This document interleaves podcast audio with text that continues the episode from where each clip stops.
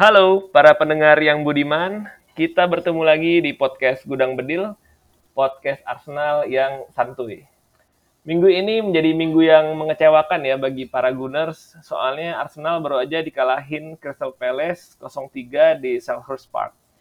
Jadi pengen nanya nih buat kalian semua, kalau kalian gimana sih cara untuk coping atau menghadapi kekalahan Arsenal? Mungkin ada yang mengungkapkan kekesalan di media sosial, ada yang sembunyi ke dalam gua, atau mungkin kayak gue nyari temen nih buat ngobrol. Nah, makanya di episode kali ini gue nggak mau sendiri ya mencak-mencak ngomongin Arsenal. Gue udah ngundang seorang gunner yang sama-sama udah rela begadang tapi tiada artinya. Kayak kata Bang Oma. Dia adalah temen gue, Ramzi. Halo, halo, halo. Halo. Apa kabar nih? Suaranya lemes amat. Iya, lemes Pak. Orang kalah gimana? aduh, ya, ya, ya. Aduh, aduh. Jadi mungkin lo bisa memperkenalkan diri lo sendiri ke hadapan para pendengar. Oke, uh, perkenalkan ya para pendengar, saya Ramzi. Nah ini kenal Arya udah dari kuliah sih, udah sama-sama zamannya Arsyafin tuh ya, kita nonton Yoi. bareng ya. Ya sekarang sih masih jadi penonton layar kaca, tapi tetap setia walaupun kalah menang itu biasa sih. Yo, itu aja sih. kenangan lu paling uh, indah selaku Gunners tuh apa, Ji? Uh, waktu buka puasa gelar sih, ya. Uh-uh. Pas yang udah kalah 2-0 duluan tuh lawan Hull City kalau nggak salah waktu itu, terus di comeback 3-2. Nah, gue orangnya jarang nangis, tapi waktu itu gue nangis sih gara-gara. gokil, gokil. Gara-gara itu momen angkat piala itu. Uh-uh. Ya sudah lah tapi, itu semoga. Tapi kalau momen kita bareng-bareng kayaknya yang pas ini ya. Thierry Henry nyetak gol di Leeds ya. Oh iya itu aduh Yoi. itu juga. ya itu buat cowok-cowok yang jarang nangis kayak kita itu momen-momen gitu kayak kritikal gitu sih ya. Kritikal ya. Aduh nangis kayak gue di sini gitu. Malu nih gue sama temen lagi ya. Oke. Gitu nah, di episode kali ini gue pengen sesuatu yang beda nih. Gue pengen nyoba untuk memindahkan thread rating pemain yang biasanya muncul di akun Twitter Gudang Bedil ke dalam bentuk podcast. Nah, gue sama Ramzi ini bakal nyebutin skor dari masing-masing pemain secara bergantian ya. Nanti gue duluan, misalnya Ramsdale, abis itu lu, Ramsdale, abis itu lu duluan, Cedric, terus gue Cedric gitu. Kita, uh, apa ya, uh, menanggapi lah skor masing-masing gitu. Boleh, um, boleh. Terus kita juga bakal ya nanggapin skor masing-masing. Terus entah itu setuju atau nggak setuju, begitu. Oke, okay? sip. Oke, okay, gaskan.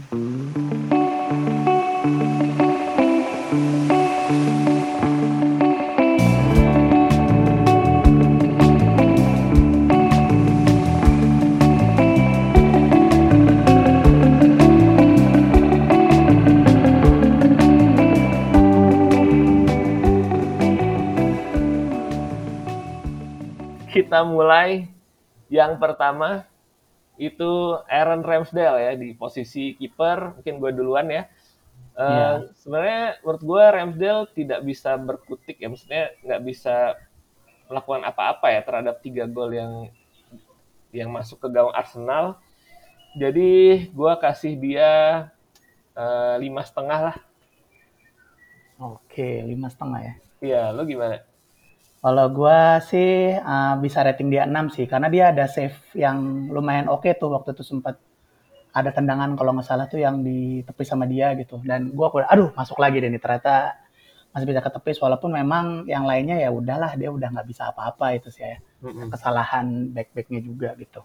Jadi kalau dari gue sih 6 sih. Karena save-nya itu yang waktu itu sempat ada nyelamatin satu gol.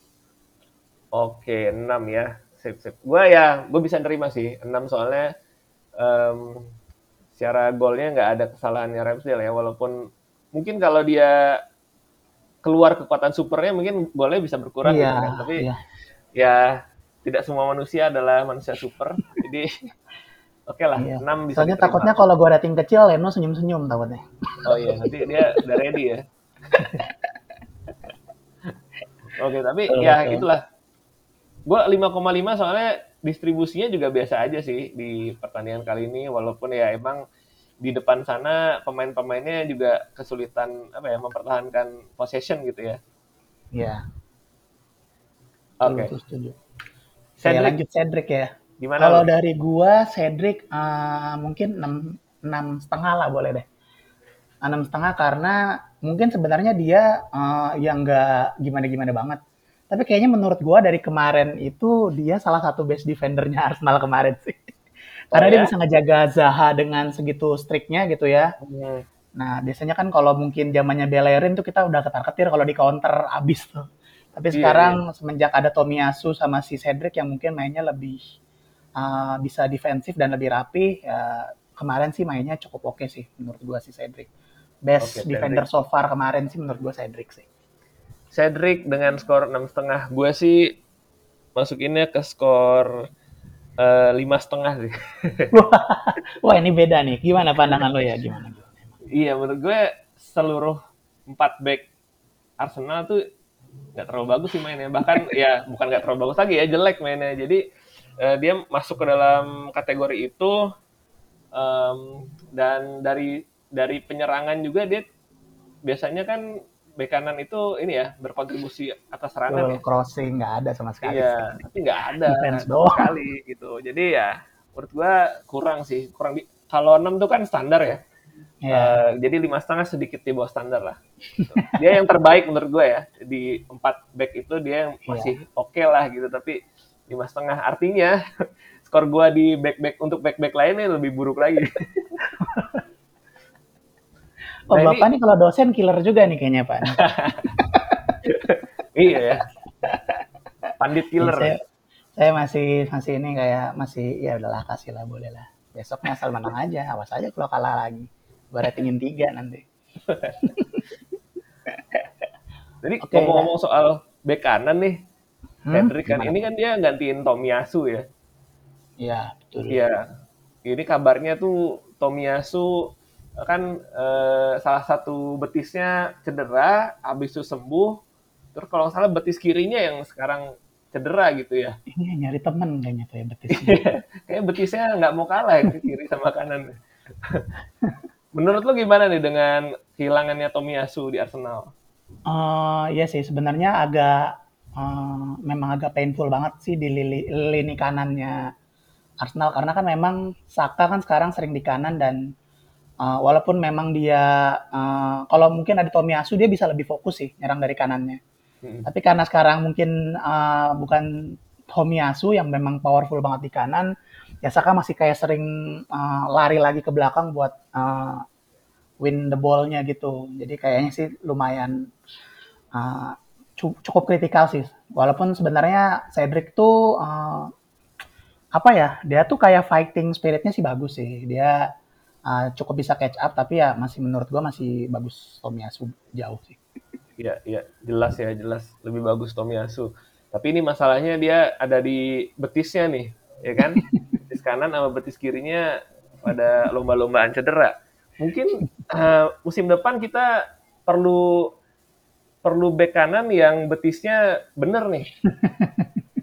yang dari Real Betis kayaknya. Iya Real Betis ya. ya.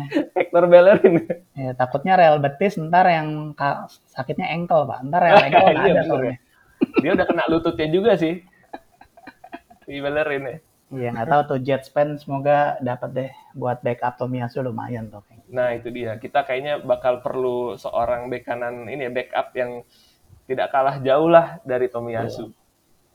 Betul. Selanjutnya, kita ngobrolin soal Ben White. Eh, ben White menurut gua ini di rating 5. Lima ya. Mm-mm. Gimana? Ya Kenapa? soalnya em, ya kurang juga sih menurut gua di di antara dia ya mungkin yang ketiga ketiga terbaik lah. Eh sorry, kedua Kedua. terbaik lah di bawah. Cedric ya dibandingkan oleh teman-teman yang sebelah kiri. Tapi menurut gue juga em, kurang mendominasi sih. Apalagi lawannya Mateta ini badannya gede juga kan. Iya, Mikel Dia- Mateta ya pak ya, bukan ya? ya kan Mateta nih gede badannya dan dia suka kesulitan gitu dengan eh, striker-striker yang badannya besar. Itu sih menurut gua. Kalau lu gimana? Ya, kalau gua sih uh, rating dia tadi lu berapa? Lima setengah ya? Oh lima, gue lima setengah sih. Oke. Okay. Ya emang menurut gua memang dia beberapa kali uh, kalah sih sama si uh, adu fisik dia mungkin memang kurang. Biasanya kalau fisik kayaknya nggak tahu, strongan nggak? Gabriel kayaknya kalau buat fisik sih. Kalau uh, Ben White kan kayak tipe cerdasnya tuh, back cerdasnya tuh kayak buat tiba-tiba kayak bikin terupas juga gitu. Tapi kemarin kayak nggak terlalu uh, tidak terlalu kelihatan sih, betul oh. kurang cerdas. ya sama beberapa kali emang dia out of position juga sih. Jadi ya menurut gua lima setengah adalah nilai yang adil. Alright, alright. Ini nih mulai kita mulai panas nih ke Gabriel. Menurut lo Gabriel berapa nih? Aduh Gabriel kayaknya efek potong rambut itu kayaknya nggak tahu ya dia kemarin kurang bagus mainnya. Efek Buat ini gua anaknya sih, baru lahir. Iya, nggak tahu. Apa dia mikirin beli susu atau gimana? Kemarin tuh? Nggak tahu. Lima kayaknya kalau dari gua sih ya. Uh, Lima, ya? kemarin. Apalagi yang dia kemarin kepleset sampai nggak kena. Itu aduh sayang banget tuh. Biasanya kayak gitu. Bolanya Gabriel banget tuh buat di cut off gitu Iya iya. Tapi kemarin, aduh, kenapa nggak skala? Nggak, itu udah gitu Tavaresnya. Ya udahlah, habis ini kita caci maki lah, habis ini. Sabar ya, belum sampai iya, ke Tavares. belum belum. Jadi kita. Dari gue sih lima sih. Lima ya. Hmm. Oke, okay. gue kalau gue sih empat ya. Duh, kayak kalau gue yang uji lu nggak lulus nih gue ya. Aduh, ini udah kayak ini apa? Kayak ujian skripsi aja nih teman-teman pemain Arsenal. Iya soalnya apa ya? Ada beberapa momen yang agak meragukan juga di Gabriel terus um, mungkin karena ini ya nggak ada Tierney di sebelah kirinya jadi operan-operan hmm. dia ke depan tuh jadi kurang meyakinkan juga dia kayak ragu gitu ngoper ke Tavares jadi ya itu terus ya itu tadi yang cut off-nya yang gagal itu yang membuahkan gol buat uh, Pelis kan mm -hmm. Walaupun itu ada salahnya si nggak tahu ya ini salahnya Shaka atau enggak ya. Soalnya Shaka kan maju tuh.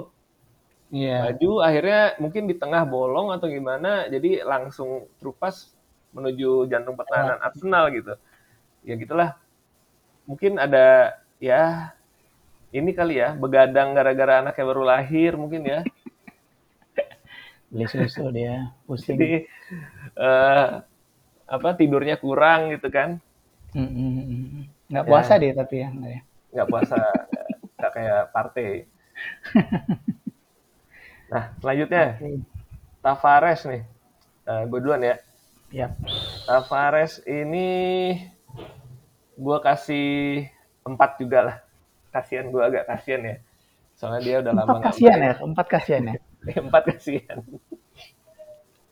Kan yeah. banyak yang ini, yang apa, mengkambing hitamkan Tavares nih di babak pertama.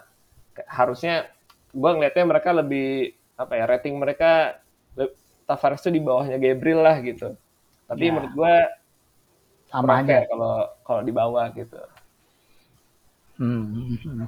menurut lu gimana soal Tavares? Kalau gue sih sama kayak kayak lu ya. Mungkin Tavares ini yang walaupun gue jarang ngasih nilai ya gue empat setengah sih boleh deh. Kayaknya gue harus di atas lu setengah gitu ya at least gitu. Uh, tapi nggak tahu ya semenjak yang waktu buat gua sih Tavares semenjak yang dia diganti belum babak pertama selesai sama Arteta waktu itu kayaknya udah jadi turning point dia mainnya nggak sebagus dulu. Ingat gak sih lu waktu pas apa ya dia kayaknya di cup mana gitu si Tavares main. Kayaknya di either di FA kalau nggak di uh, Carabao deh dia tuh sempat main terus belum 30 belum 45 menit kayak baru berapa menit itu udah diganti sama si Arteta karena katanya yeah amburadul. Nah semenjak itu nggak tahu mungkin dia rada kurang pede kali ya kalau main, apalagi sekarang udah jarang banget main kan eh, karena Tierney juga lagi bagus. Itu kayaknya udah semenjak itu jadi turning point. Padahal uh, sekarang tumpuan kita ya back kiri kan dia kalau nggak Syaka taruh kiri kan. Iya. Ya semoga sih eh, nggak uh, tahu deh Arteta mau di ospek dulu bagaimana tuh Tavaresnya biar besok kita bisa melihat Tavares yang dulu gue senang banget karena kalau Tierney itu kan kadang-kadang kayak monoton ya dia kiri doang gitu ya. Kalau Tavares tuh kayak masih agak berani buat uh, cut inside ke tengah gitu. terus dribbling-dribbling gimana gitu. Adu body pun dia juga kayak masih. Tapi nggak tahu semenjak yang waktu itu gue udah kayak ngerasa Nuno Tavares nggak kayak biasanya. Iya, iya, iya. Padahal dia tuh apa ya, kayak back kiri yang dinamis gitu kan. Iya, padahal Dia ada bisa isu-isunya sempat diincar City juga kan tuh waktu itu. Oh, gitu. Iya, dia bisa bisa tuck in ke dalam gitu, pakai kaki Betul. kanannya juga bisa. Kalau Tierney kan kaki kiri banget ya. Terus Iya. eh, dia mencintai garis lapangan kan, Iya. hug the line gitu kan. ya gitu. Jadi Benar-benar. eh ya sayang banget sih Tavares ini masih mungkin sisi positifnya Tavares ini masih muda ya, masih banyak Iya. waktu buat berkembang, mungkin musim depan bisa dipinjemin atau gimana, tapi kayaknya Arteta sudah nggak ngelihat nggak percaya lagi gitu ke Tavares, soalnya sudah dua kali dia diganti di babak kedua gitu kan. Walaupun alasannya hanya taktikal kan. Iya. Tapi kan kita nggak tahu apakah memang kalau menurut gue sih memang karena nggak work aja dia di kiri. Mm-mm, mm-mm. Jadi Terus- dari gue empat setengah. Iya, Tierney cedera pula lagi kan. Betul. cedera lutut dan katanya dia ini sampai akhir musim nggak main nih. Iya nih, aduh. Padahal calon kapten tahun depan kan kayaknya dengar-dengar Tierney itu. Aduh, fightingnya mantep banget. Aduh, sayang Iya. banget ya. Makanya gue paling benci sama international break nih. Iya, international break breaks cohesion, coy. Yoi. Breaks cohesion banget. Dan menurut lo dengan lagi tuh yang di apa? Ke mana sih kemarin tuh yang dia kita ada tim jatuhnya kayak ada training drills gitu ya.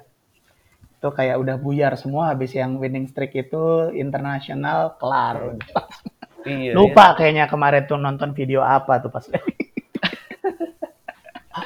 iya, taktiknya udah apa timnas masing-masing gitu. iya, benar. Aduh, sayang banget sih.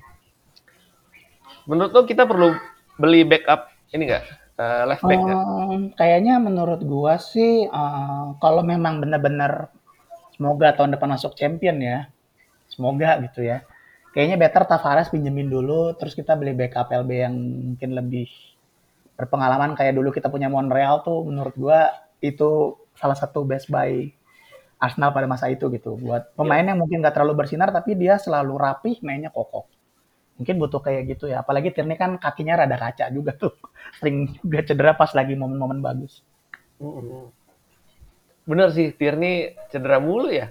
Iya, sering banget gitu. Iya iya iya, perlu Sayang seorang eh, cadangan yang yang fit ya, yang lebih fit gitu. Sebenarnya Tavares ini fit banget orangnya, tapi Iya. Mentalnya kayaknya lagi kurang baik. Mm-mm. Perlu di rukiah kayaknya sih. Mungkin Baba Ramzi ada layanan rukiah gitu. Enggak, Pak. Saya pijit tulang sih, Pak. Saya. Pijit tulang. Apa? Enggak, enggak, enggak. Ntar saya kerja di haji-haji mana gitu ntar. Iya, kan bisa loh. nyebutin brand. Muka udah terpercaya kan. Iya, betul. Iya. Timur Tengah ya, Jawa Timur, Iya. Jawa Tengah ya. Terus lanjut nih, Iya.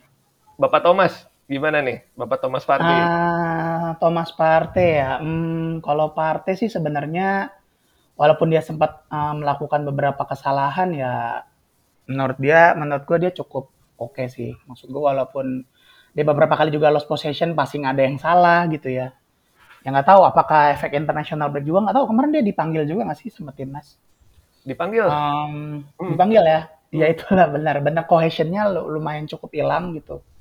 Nah nggak tahu tapi kemarin sih di tengah itu dia doang yang kelihatan Syakanya kagak gitu. Jadi kayaknya lah ini partai mulu yang main gitu Syakanya mana nggak nggak kelihatan. Yang menurut gua kalau dari gua sih ratingnya paling hmm, 6 sih kalau dari gua. Wih, 6 ya. Menurut Iya. gue tuh tinggi banget sih. Oh ketinggian ya. Iya, gue. Ya udah deh 575 deh. Nego deh. 575, ya. Nggak ada, nggak ada. 75 nggak ada. Oh, nggak ada. Setengah doang adanya, setengah. Ya, Mas. Bulat. Iya, Oke. Semoga cederanya sih nggak ini sih, tapi agak ngeri-ngeri tuh kalau cedera tiba-tiba ditarik kayak gitu. Semoga sih masih bisa main. Thomas Partey. 6 ya lo. Gua tiga setengah. Oh, kecil banget bro. Gua- ada apa nih bro? Ada ada personal interest apa nih anda dengan partai ini? Sesama pencinta Indomie, gue kecewa banget sama partai, men. Eh, Iya. babak kesatunya ya apalagi. Babak itu. pertama parah sih. Parah Soalnya eh ya dribblingnya orang masuk gitu kan. Oh sorry. Babak pertama tuh partai main. Gue kira yang main itu osas nih. Jadi gue gua kira. karena gue ngerating babak, babak kedua dong. Karena babak ke satu nggak tahu itu partai apa sih osas tuh. Nggak tahu. si Osas tuh yang mana sih? yang VVVV itu loh. Nyut VVVV osas itu. Bukan, itu partai, men. Oh, Lu mau partai, ngerevisi ngerevisi Oh soal- ya, kalau gue lima deh. Babak Lima pertama ya? dia amburadul sih, parah. Itu kayak babak terburuk. Gila, skill rating gue agak-agak unik ya, nggak ketebak gitu tiba-tiba jadi turunnya drastis. Kira osas. Ya. Lu masih ini sih, masih baik hati lah. Lu tiga setengah gimana nih? A- emang alasan lu kenapa ya ngasih tiga setengah juga? Iya itu menurut gue adalah eh, babak pertama terburuk di- dia sepanjang karir dia mungkin. Nggak tahu ya di sebelum dia di Madrid gimana ya, tapi kayaknya itu jelek banget. Itu kayak dia dia baru seumur hidup baru puasa gitu. Karena Emang, Emang seumur hidup baru puasa kan baru Emang iya. pak. Iya ya, ya makanya ini Iya, mungkin ya karena harusnya habis lebaran salah. benar harusnya mualafnya setelah Lebaran. Ya Allah. Tapi mungkin mau merasakan ya, mau merasakan puasa tuh gimana. Benar, benar, Terus benar. Ya, ya, ya. Itu kan apa ya? Benar-benar sih. Jadi itu kayak kesempatan yang tidak bisa dilewatkan ya Hmm, hmm, hmm, bagi dia untuk menjadi mualaf. Ya gimana sih? Eh, mungkin secara keseluruhan kita nggak bisa nyalahin performa dia ya, soalnya Hmm. dia mungkin baru banget merasakan puasa gitu ya. Hmm. Tapi secara profesional sih ya tiga setengah ya.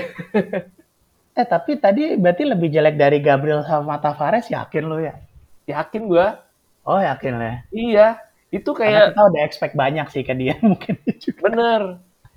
Itu juga misalnya bola sudah di tengah, dipegang partai, dioper dia, dapat teles lagi. Ya akhirnya yang ketekan ya backnya dia juga gitu kan. Jadi Iya betul. backnya dia jelek, jadi bridging ya. bener. Jadi karena apa ya, depannya mereka jelek, jadi back itu ke expose juga. Makanya gua menur- menurut gua partai juga harus disalahkan juga gitu kalau mau nyalah-nyalahin gitu ya. Gitu sih. Jadi menurut gua eh ya partai tiga setengah sih. Iya udah deh. Semoga pas buka puasa sembuh dia ya. Mm-mm. Tapi ya walaupun dia tiga setengah, gue masih berharap cederanya cuma ringan ya. Iya. Karena nggak ada siapa-siapa lagi juga. Pakai siapa pak di tengah iya pak itu habis. menurut gue cuma kebetulan aja sih partai lagi jelek gitu kan. Jadi Iya, selanjutnya sih menurut gue kelasnya emang nggak di situ. betul.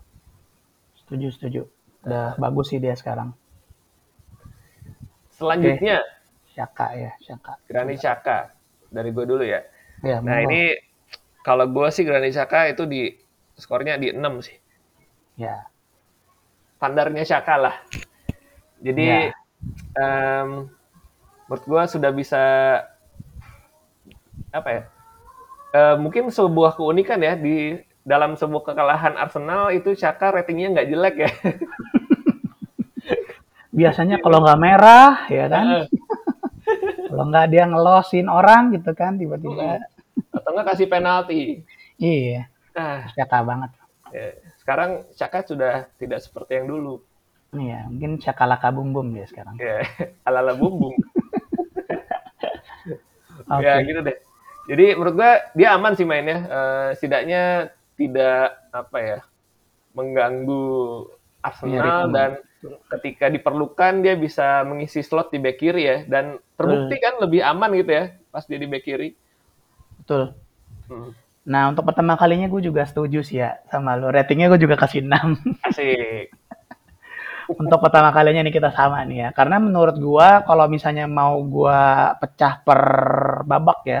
Hmm. Babak pertama gue mungkin rating dia 5 karena kayak hampir hilang dia. Nggak tahu dia main gundu Iya, kayaknya iya, tadi tuh. Terlalu jauh di depan gitu ya. Iya, mungkin karena memang sekarang kan si Arteta kayaknya yang nempatin dia tuh buat role number 8 kalau nggak salah. Jadi bukan orang yang lebih banyak bertahan karena sudah ada partai juga ya jadi si Shakanya tuh lebih kayak uh, maju ke depan gitu. Tapi karena partainya juga nggak perform, Tierney juga nggak ada gitu ya. Jadinya nggak tahu tuh. Kemarin hilang aja gitu. Tapi pas babak kedua menurut gua dia layak di rating 7 sih. Kalau nggak enam setengah lah. Jadi gua bilang 6 karena dia kokoh banget di kiri. Yang dulu setiap diserang dari kanan gua agak deg-degan ya sama si Ayu itu. Nah sekarang Ayu itu eh itulah sekarang semenjak ada Shaka ditaruh kiri jadi mati sih serangan dari kirinya karena kokoh dia di kiri. Jadi gue rating 6 juga. Ayu jadi ele ya. Iya. Yeah. Rayu blast. sekarang Oke. Okay. Aduh. Bang Ode nih. Kumaha Aduh, oh, udah ading Mang Ode, udah ading Mang Ode aduh, nih. Gimana nih? Gua agak berharap banyak sama dia buat jadi game changer sih di lawan Crystal Palace ini karena memang kemarin sempat dipuji juga dia streak mainnya bagus kan sebelum hmm. International break juga mainnya bagus banget sempat masuk di website mana-mana tuh gue cek kan dia ala-ala itu kan. Di ngeri banget sih tapi kemarin kayak bener nggak tahu kehilangan touchnya sih kemarin. Yang aduh apalagi sampai dia menghadiahkan satu penalti yang menurut gue itu telat banget kakinya di situ yeah. ngapain gitu ya. Yang menurut gue nggak perlu gitu ya. Dan uh, passing nggak ngarah gitu ya kena gue lihat babak pertama aja kayak dia under 50% passing akurasinya. Itu kayak yeah. damn seorang Odegaard gitu seorang playmaker yang kita harapkan malah kayak begitu gitu udah gitu nendang nggak masuk ya Allah itu padahal peluang gitu ya astaga mungkin bisa jadi game changer juga kalau kemarin ngegolin gitu semangat di babak keduanya gitu. Tapi menurut gua ratingnya OD hmm, empat setengah deh dari gua. Empat setengah ya. Empat setengah. Dari lu gimana ya? Eh lu paling rendah berapa tadi nasinya? Paling rendah gua empat. Tavares ya? Di Tavares. Nih okay. apa nih dua nih dua nih. gua gua di sama sih sama partai. Partai berapa tadi? Tiga setengah ya? Tiga setengah. Iya, gue juga sama sama partai sih. Uh, apa ya? Kayak andalan kita nih dua orang ini kan, iya. Partai Odegaard. Terus buat ngacak-ngacak di tengah. Dua-duanya jelek mainnya. Aduh, ya hancur sih. Gak ada harapan sih. Um, iya itu, uh, operannya juga jelek banget. Terus gampang banget di ini ya, direbut bolanya gitu. Iya, kan. lepas terus. Um, Parah sih. Ngerti itu kenapa ya? Dia juga nggak puasa kan? apa dia mau alah juga? Gue curiga juga nih. eh dia lagi gladi resik nggak tahu sih gue. Atau dia ini ya, dia energinya uh, habis untuk ngajak uh, Halan buat masuk Arsenal. Iya, itu sih kayaknya bakalan habis sih ngajakinnya situ. Iya. Yakin gue. Gak usah puasa capean itu sih kayaknya. capek ngarepnya. Iya, capek ngarepnya udah nggak usah diharapin lah. Iya ya lagi-lagi gue berharap Odegaard ini cuma ini ya, cuma blip doang di pertandingan ini doang dan nggak nggak terus-terusan kayak gini. Soalnya gue yakin sih kelasnya Odegaard nggak ada di situ. Ya. Ya emang aneh mungkin apa ya? Ada kutukan Vieira gitu ya mungkin dia punya semacam nggak tahu nggak jelas banget. Gosok voucher apa sih Vieira nggak tahu. Gosok Tapi voucher. emang dari kemarin bagus sih si Crystal Palace ya. City Bener. juga dia tanda tahan imbang kan. Tujuh pertandingan terakhir tidak terkalahkan di semua di semua turnamen. Jadi emang yeah. lagi bagus-bagusnya Palace ini. Yeah. Ya. Itulah semoga aja Odegaard eh, damang ya. Yeah. Lanjut ke Smith Rowe, Emil Smith Rowe. Ini gue dulu ya. Boleh lu dulu. Uh, Smith Rowe gua ratingin kasih 5 sih. 5 ya. Nah, tidak terlalu gimana ya? Sama kayak Shaka sih di babak pertama gue ngeliat dia hilang sih. uh -uh. Di ya, babak ya, kedua ya, mulai mulai mengancam tuh uh, masuk Martinelli. Justru di sebelah kiri nih setelah Martinelli masuk lebih hidup gitu. Sebelah kiri ya. biasanya kan sebelah kanan ya ada Bukayo Saka sama Odegaard hmm. tuh saling kombinasi tapi kemarin nggak ada sama sekali. nah ya, di ya. sebelah kiri ini ketika Martinelli masuk, uh, kombinasinya mulai muncul dengan Lacazette juga. Uh, tapi di babak pertama yang bikin ratingnya turun banget sih. Jadi em, karena dia juga nggak bisa finishing ya kemarin itu udah di depan Hmm. gawang, tinggal kiper doang, ya. nggak masuk. Ah, kalau di pertandingan lain mungkin kita bisa memaklumi gitu, soalnya Iya. bakal banyak chance yang terbuat. Tapi di pertandingan yang yang apa ya, Arsenal jelek mainnya itu sangat ini sih krusial. Jadi gua kasih dia tadi berapa? 5 ya. Lima ya. Ya. Kalau dari gua lima setengah lah. Jadi memang benar sih kayak lu, lu bilang tadi babak pertama uh, kurang banget ngilang juga kayaknya apa partner main gundunya siapa nggak tahu gua kemarin. Tapi babak kedua kayaknya kemarin dia sempat agak nggak tahu sih yang kalau gua dengar dari komentator tuh si Arteta sempat marahin si Mitro biar tahu role-nya dia karena dia tuh awalnya masih agak-agak ke kiri banget padahal si Martinelli-nya udah ada di kiri gitu kan Hmm. sampai si Artetanya teriak-teriak gitu. Ya walaupun benar sih itu sayang banget ada peluang yang nggak masuk, tapi menurut gua dia sangat-sangat di bawah standar apalagi di yang saatnya harusnya dia tuh kan dribblingnya kan memang bagus tuh buat Mm-mm. biasanya uh, pass through ke tengah gitu dari samping gitu. Dan gua nggak ngeliat itu kemarin apa karena Peles badannya gede-gede juga kan tuh backnya nggak tahu gimana menurut gua lima setengah sih. Lima setengah. Oke. Setuju lah. Ya, kita beda tipis lah. Oke, Oke, sekarang ke siapa nih? Golden Boy kita. Oke. Ayo Saka. Ya, Berapa kalau nih? menurut gua Syaka, hmm, gua kasih nilai 7 lah. Karena nggak tahu, kayak kemarin yang hidup Saka doang. yang kayak bikin beberapa eh, peluang dan masih main ngotot gitu ya. Ya 7 tapi kegedean ya. Ya enam setengah deh gua kasih deh. Diturunin.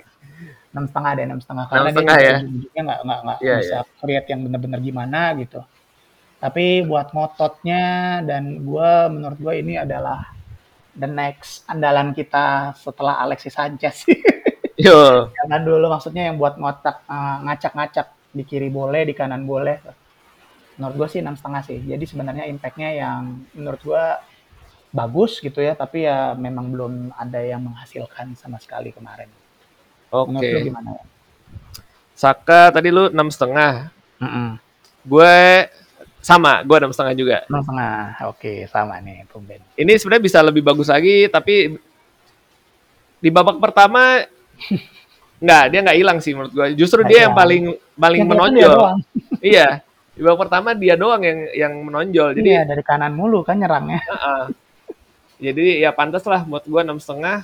Walaupun di babak kedua nggak begitu ini ya, nggak begitu Iya. menonjol ya. Soalnya menurut gua lebih lebih menonjol Martinelli di babak kedua ya. Iya. Kan tempat di switch juga tuh kan Martinelli-nya di kekananin, Sakanya Hmm. di kiri kalau nggak salah kan yang di Iya. akhir-akhir tuh. Dan menurut gua lumayan sih ya, tapi walaupun itu udah telat juga sih, udah 3-0 juga. Heeh, heeh. Udah rapi juga mainnya Pels. Tapi menurut gua gua lebih suka Saka tetap di kanan sih, Martinelli di kiri sih. Setuju, setuju. Heeh. Tapi mungkin karena sudah ada Smith Rowe di sebelah kiri yang kaki kanan, jadi mungkin Arteta pengen ada satu orang lagi kaki kiri untuk kombinasi mungkin ya. Iya. Bang Oke. sebenarnya begitu-begitu aja ya, nggak nggak nggak sadar-sadar Bang Pepe-nya. Oke, Lanjut nih ke abah kita, Baba Lakajet. abah Lakajet. Aduh, si abah, abah kasihan banget. Emang kayaknya si Lacazette itu kalau udah backnya segede-gede gaban kayak gitu dia udah bye-bye. iya, tidak berpengaruh. Hmm. Gimana menurut lo rating berapa ya Lacazette ya? Lacazette eh, lima sih menurut gua, 5 ya? lima. Uh, Hmm. soalnya eh, sebenarnya di babak kedua dia cukup berperan ya, kombinasi-kombinasinya cukup ada. Nah ini babak pertama lagi nih kita kembali lagi, bener-bener nggak ada, kayaknya nggak nyentuh bola atau gimana ya? Nyentuh Eh. ya, tapi kalah body mulu sama backnya kan gede-gede Iya banget tuh. iya iya. Juga lagi bagus sih backnya Peles kemarin Hmm. banget. Iya dan nggak ada supply bola yang bagus juga kan dari Partey sama Odegaard gitu kan. Iya. Jadi ya ya jadi ya nggak bisa ngapa-ngapain, servisnya juga nggak ada. Jadi di babak pertama dia menghilang, di babak kedua luba, udah lumayan tuh, Mm. karena ada temennya ya di tengah ada uh, Smith Rowe yang udah agak mendekat ke dia, jadi bisa kombinasi di situ. Jadi jadi lebih hidup lah. Di babak kedua itu uh, kombinasinya di teman-teman teman-teman adik-adiknya di sebelah kiri udah lumayan hidup gitu. Ayo deh, ayo deh, cinta tak sama indah deh. Menurut lo gimana? Ya, gue sama sama lu sih. Gue juga rating dia 5 karena menurut gue memang begitu uh, babak pertama ngilang, malah menurut gue, aduh ini kayak bakal gue rating jelek banget nih. Tapi babak kedua lumayan cukup biasa kan dia kan kayak ngehold bola sampai teman-temannya pada masuk. Dia nanti ngebuat uh, passing-passing yang menurut gue passing dia juga oke okay sih. Tapi ya kemarin nggak terlalu kelihatan juga gitu karena diapit sama dua Goliat gitu. Backnya Peles itu bagus banget kemarin mainnya juga. Ya sebenarnya sama kayak pas dia hilang lawan Liverpool juga sih. Jadi hmm. udah udah nggak bukan ya emang butuh striker sih Arsenal. Betul, aduh, butuh striker banget dan ya opsinya ya nanti kita obrolin ya opsinya ya. Soalnya yeah. kita mau bergeser dulu ke Martinelli ini. Martinelli ya. Kalau dari gua sih Martinelli, hmm, Saka tadi berapa? Enam setengah ya? Ya enam setengah juga deh. Maksud gua uh, dia bisa menjadi game changer. Salah sayangnya banget pas lagi momen mau uh, ngemenangin si Odegaardnya pakai pakai segala iya. Itu padahal mungkin kalau nggak kebobolan mentalnya masih bisa ngejar gitu. Tapi Martinelli masih main ngotot kayak biasa sih. Di kiri yeah. di kanan. Walaupun mungkin dia uh, syutingnya nggak sebagus itu gitu ya. Tapi uh, pemain-pemain ngotot gitu kayak yang lagi dibutuhin Arsenal sekarang gitu ya. Benar. sama dia kan one on one nya juga bagus. Ya menurut gua enam setengah deh sama kayak Saka deh. Hmm. Lu gimana ya?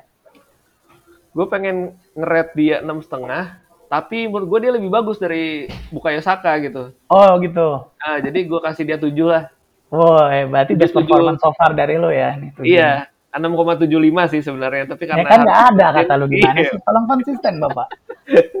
Makanya harus dibuletin jadi ya. tujuh gitu. uh, iya, se sejak dia turun, uh, ini ya, uh, keseimbangan permainan berubah gitu ya. Mm-hmm. Lebih Arsenal yang uh, menguasai pertandingan. Mungkin karena Sakanya juga kayak karena ditaruh kiri juga ya. Jadi dia juga aman di kiri tuh kan gak banyak-banyak nah cover dari belakang ke belakang juga kan awal-awal. Iya, iya. Ya itu uh, apa? Keseimbangannya jadi lebih ke Arsenal. Walaupun memang menurut gue Peles juga ini ya mengubah taktik ya menjadi lebih hmm. bertahan ya. Bagus. Karena udah unggul 2-0 gitu. Betul. Jadi udah ngapain dia nyerang juga counter aja kalau udah kayak gitu. Iya. Counter aja atau enggak biarin aja satu pemain bikin blunder gitu kan. Biasa Betul. Arsenal. ya kalau nggak nunggu Saka kepleset, kartu merah. ya atau enggak wasitnya keblinger gitu kan. bukan teman Arsenal wasit itu bukan teman Arsenal. Sama iya ini ngomong soal wasit kemarin itu harusnya penalti tuh Saka Iya, itu, itu gua ya. Ah. Menurut gue sih penalti itu. Sama yang uh, Odegaard ke Zaha itu emang tipis sih. Tipis, walaupun ya kena ya. Ya kena aja sih. Gitu. Kalau di kalau di reply kan lambat kayak ya nggak sakit sih. Gak Tapi kan nggak tahu hasilnya kencang atau gimana. Jatuh kan, ya udah itu at the right place at the right time udah itu. Ya. Penalti gitu. Menurut lo untuk pertandingan-pertandingan berikutnya mengingat uh, Laka yang semakin sepuh ini kan, mm-hmm. menurut lo Martinelli cocok gak sebagai jadi striker Arsenal? Uh, kalau menurut gua sih kayaknya Martinelli, gua sih masih ngeliat dia cocoknya di kiri sih, karena kayaknya Arsenal itu butuh holding striker gitu, yang badannya gede. Gue makanya kangen banget sama Giroud sekarang. Aduh Giroud, eh. gimana anda saat kita butuh anda?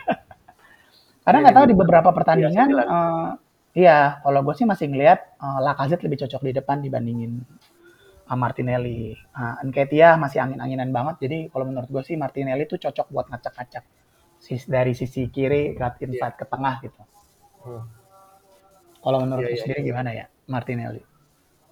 Iya, menurut gue emang banyak orang yang pengen nyoba ya Martinelli di tengah, tapi Hmm. dari skema permainan emang lebih cocok itu ya itu holding striker ya. Iya, kayaknya Arsenal cocok. Takutnya kayak Auba juga sih sebenarnya kan dia kayak pace-nya kenceng gitu kan sama kan. lebih ke Tapi jatuh ya. terus positioning. Iya iya. Jadi kayaknya cocok Rob Holding aja yang di tengah sekalian. Bener ya, betul. holding Rob striker kan. Holding. Iya. Nggak semua holding tuh bisa nge-holding. ya Iya menurut sih. gua cocok eh ya. Gua gua setuju sama lo, Martinelli lebih cocok di sebelah kiri. Dia Betul. juga bilang sendiri kan, eh, dia melihat dirinya lebih sebagai ke sayap kiri gitu.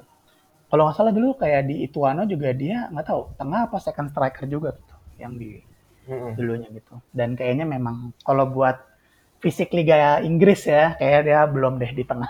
Iya, iya, iya. iya. Lanjut ke Eddie. Eddie, Eddie Guerrero. Edin Ketia ini sebenarnya kemarin kalau menurut gue, eh ini siapa nih? Gue apa lu nih? Gue kayaknya ya. Oh lu ya, oke boleh boleh boleh. Boleh lu dulu, lu dulu. Eddie, Eddie ini Guerrero. bukan Guerrero. Kalau Eddie Guerrero lincah ya ini ya, gerakannya. Nketiah ini gimana ya? Sebenarnya lincah juga, tapi tapi tidak apa ya? Kayak sentuhannya itu loh yang kurang. Touch. Gue sih touch-nya yang kurang. Jadi walaupun di pertandingan ini menurut gue lumayan mengubah ya ke arah positif gitu ya. Eddie Iya. masuk. Em, tapi di secara overall emang kurang kurang pantas sih masuk ke first team. Em, Tapi ya ada di beberapa pertandingan dia berhasil untuk mengubah jalannya pertandingan kayak Spesialis Cup deh. Specialist Cup bener. Tapi kalau di lawan Peles mungkin agak sedikit berguna ya. iya Walau- benar. Iya dan hanya dibuyarkan dengan penaltinya Odegaard aja itu. Iya betul. Nah, jadi- Apa karena mau di waktu itu emang ada gosip-gosip mau diincar Peles kan kemarin tuh sih. Ketia Jadi tuh dia kan kemarin. ini ya, unjuk diri Mau- gitu ya. Show off deh. Yo, oh. Sempet nendang juga kan yang aduh lu kena tiang ya kalau nggak salah ya. iya, iya. ya. Iya jadi angketnya lumayan lah. Eh, bisa gue kasih 6 lah. Wah, sama kayak gue. Gue juga sama sih kayak lu. Gue kasih 6 juga. Iya. sama sih, kurang lebihnya sama kayak yang lo ceritain tadi. Ah, menurut gue cukup bisa merubah keadaan. Ada shoot on target juga yang sayang banget nggak jadi gol. Padahal mungkin bisa jadi eh, game changer juga. Ya, buat har- match kemarin gue kasih 6. Gitu ya. Oke 6 buat Edi. Selanjutnya Lanjut. ada Nyambi, Albert. nyambi. Nyambi. ini yang suka ada side hustle gitu ya. Nyambi Lokonga. Menurut lo gimana nih di Lokonga? Eh, Lokonga menurut gua kemarin bagus ya. Maksud gua tenang ya, walaupun keadaannya eh, lagi benar-benar butuh ini, dia bisa kayak main tetap keep calm dan memang kayak dari dulu pembawaannya dia memang calm kayak gitu sih. Mm-mm. Uh, touch-nya dia bagus banget. Gue suka banget sama touch-nya Lokonga walaupun mungkin fisik dia masih kalah tapi memang menurut gua dengan first touch yang bagus lu lawan fisik kayak gimana juga lu bisa menang sih lu kayak lihat Iniesta aja kan kecil Iya. kayak gitu dia bisa catch up Lokonga kemarin main bagus sih menurut gua semoga nanti kalau misalnya mungkin di next match mungkin partainya cedera mungkin bisa dicoba dicoba taruh di tengah lagi karena menurut gua dia kemarin main oke sih pede gua kasih nih rating dia enam setengah kalau lu gimana ya gue juga setuju dia mainnya bagus. Tapi karena eh, sudah menit keberapa ya itu ya? 80 apa? cukup menarik loh dengan waktu seba- sedikit itu dia bisa men-show off kualitasnya dia gitu. Iya tapi kayak Peles udah udah santai mainnya gitu. Udah hehe. Gol 3-0. Hehehe. Jadi Lokonga juga bisa lebih hahaha juga gitu. Jadi Iya. gue kasih dia 6 lah. 6 ya. Menjanjikan, menjanjikan. Iya, promising lah, promising young midfielder lah. Yo,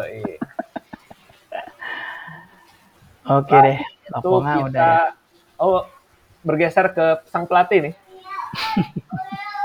Gimana menurut nih Arteta? eh, Ah, Menurut gua ya, uh, Arteta di dulu kan banyak yang bilang zaman Wenger itu kayak lack of plan B banget gitu ya. Hmm. Dan awal-awal musim juga kayaknya Arteta kayak gitu, kayak aduh lack of plan B ini kalau udah kalah kayak nggak bisa ngapa-ngapain. Tapi kemarin gue seneng sih sama responnya dia. Babak kedua langsung Martinelli gitu. Biasanya kalau Wenger kasih kesempatan dulu sampai 70 menit baru ganti pemain. Iya. kayak masih terlalu mempercayakan uh, pemainnya. Mungkin semoga ini uh, influence dari Pep ya. Pep kan orangnya juga kayak nggak sabaran gitu kan. Hmm. Jadi kalau memang udah kayak nggak work ya udah langsung ganti aja lah. Ntar masalah dia senang apa enggak itu belakangan gitu. Dan menurut gua movementnya dia cukup bagus gitu ya. Pergantiannya dia juga menurut gua bagus mengingat squadnya yang mungkin kita nggak dalam. Tapi ya memang apes aja sih itu Odegaard tiba-tiba ngegolin lagi dan babak pertama memang kayaknya international break sih menurut gua memang mental sih karena banyak kan pemain muda juga sih. Kalau dari gua sih gitu sih. Kalau dari lu gimana ya?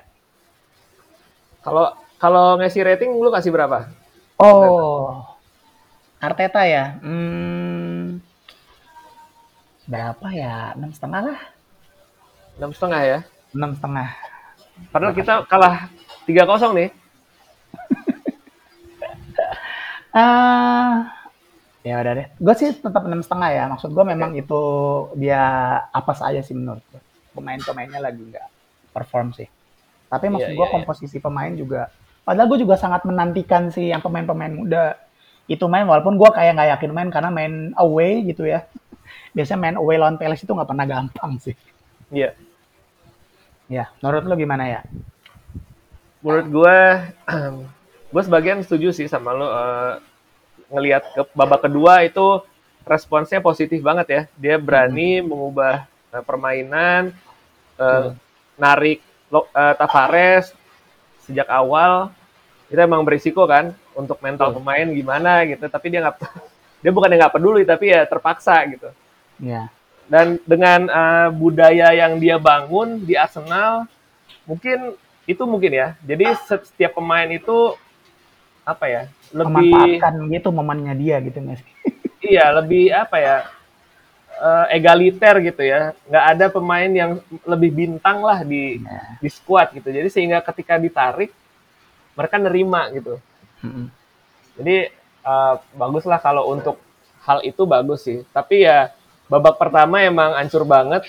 Gue harus ngasih karena dan dan kebantai gitu ya. Kebantainya lawan Peles lagi Gue harus ngasih dia lima sih. Lima ya? Mm. Boleh, boleh, boleh. Soalnya mungkin gue enam setengah itu lebih ke keseluruhan dia sekarang kali ya, bukan yang uh, objektif match kemarin. Kalau objektif match kemarin mungkin memang harusnya di bawah itu. Tuh. Jadi gue kasih dia lima, soalnya ya lagi-lagi balik kita ke babak pertama yang buruk banget. Hmm. Mungkin dia ya gue lebih gue lebih nyalahin ke pemain ya, soalnya jelas banget itu operannya ke mana-mana, uh, mainnya jelek banget, penalti nggak yeah. penting, ya itu emang hmm. ya lebih ke main. Tapi sebagai manajer, gua rasa dia harus mengemban sedikit tanggung jawab juga, jadi gua kasih Betul. dia lima. Ya, tapi nggak tahu setiap gue begadang nonton Arsenal kok kalah ya, ya. Maksudnya kalau mainnya jam kayak kalau gue nonton yang masih di bawah jam 12 menang, giliran gue begadang nih niat-niatin kalah pasti nggak tahu apa di situ malam ya ya, ya harusnya ya. Tahu. Malam di sana. Bukan anak uh. malam kayaknya sama mereka. Iya. Anak-anak baik gitu. Kayaknya adalah. Tapi ya semoga bisa bounce back deh buat di next match. Menurut lu optimis gak nih? Arsenal bakal top 4 nanti? Aduh, ini gue sebenarnya agak-agak worry ya. Kenapa? Karena satu Spurs lagi bagus banget, lagi bounce back balik gitu ya uh, ngegolinnya juga gede-gede gitu dari kemarin. Harry Kane-nya lagi gila lagi.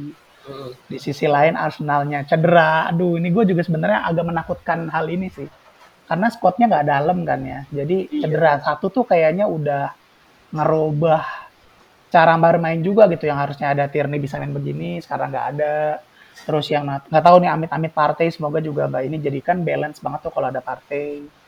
Nah, terus dia bisa kayak passing tiba-tiba pas through ke depan juga si partainya juga speed passnya juga bagus gitu. Ah, uh, gua sih sebenarnya nggak mau berharap nggak mau berharap Arsenal top 4 tapi gua sih hanya menunggu match besok sih. Kalau mungkin match besok Arsenal bisa bounce back, mungkin masih optimis gue kalau Arsenal top 4. Tapi kalau besok juga melempem juga sih gue sih gak optimis sih. Kalau gue ya. Tapi kalau menurut lu gimana nggak tahu. Gue juga sama sih. Um, ya namanya juga ini ya squad muda gitu Iya, pasti yang ada ada inkonsistensinya gitu kan. Betul. Jadi inilah oh, kemarin itu kena semuanya. Jelek-jeleknya kena semua yang jelek satu jelek semua. Iya. Dan yang bapak-bapak juga jelek gitu kan. Partai sama Laka juga Iya. kurang gitu. Jadi em, ya semoga aja bakal bounce back di lawannya juga Soton ya tangguh ya. Brighton. Oh Brighton ya Brighton dulu. Iya. Kita akan bertemu dengan Brighton hari Sabtu Iya iya. di kandang di Emirates. Jadi semoga aja dengan keuntungan kandang nih kita bisa eh, mengunci kemenangan lah di lawan Iya. Brighton nanti. Betul. Gitu. Sebenarnya kalau sama MU-nya sih gue nggak khawatir sih. Gue Iya, khawatir sama Spurs sama West Ham sih. benar-benar. iya sama MU sih gue nggak khawatir. Malah menurut gue kalau besok lawan MU kalah gue bakal kesel juga sih besok lawan. Karena MU juga lagi angin. Tapi nggak tahu MU kadang-kadang lawan tim bagus tiba-tiba bagus mainnya nggak Ah. tahu aja. tim. Robin tuh dia tuh. Lawan Kalau diremehin dia langsung bagus. Iya. Gitu. Abis dibully-bully langsung kayak fansnya dapat bahan lagi buat nyombong gitu. Ya udah kita doakan lah. Itu Spurs kalau nggak terakhir ya. Udah kayak final deh itu nanti. iya, iya. Itu kita harus wajib menang sih. Lawan Iya, ada- Spurs, lawan Chelsea, MU. ya. Itu wajib Chelsea menang lah. Chelsea belum ya? Belum juga kalau nggak salah kan sempat ditunda. Lawan siapa? Chelsea Chelsea Chelsea juga, iya. belum kan? Bertu- berturut-turut lagi lawan. Iya makanya itu beneran ujian sih. Masalahnya squadnya nggak Hmm. dalam jadi ya kita lihat besok ya kalau misalnya masih bisa main bagus melawan Brighton semoga uh, ke ini ke trigger buat lawan tim-tim besar. Iya. Oke, mungkin itu aja untuk episode Gudang Bedil kali ini. Menurut kalian sendiri gimana? Apakah setuju dengan rating-rating yang kita sampaikan? Lu lebih setuju dengan rating gua atau lebih setuju dengan ratingnya Ramzi? Ya yang dosen baik sama yang dosen jahat lah itu pilihan. Nah, itu ya. Kalian pilih antara dosen Arya atau dosen Ramzi untuk menjadi pembimbing kalian. Oke, itu aja untuk episode kali ini. Thank you banget Ramzi sudah Oke, menyempatkan waktunya. juga, bro. Sama-sama bro. Ya, sampai jumpa lagi di Gudang Bedil episode berikutnya. Bye bye.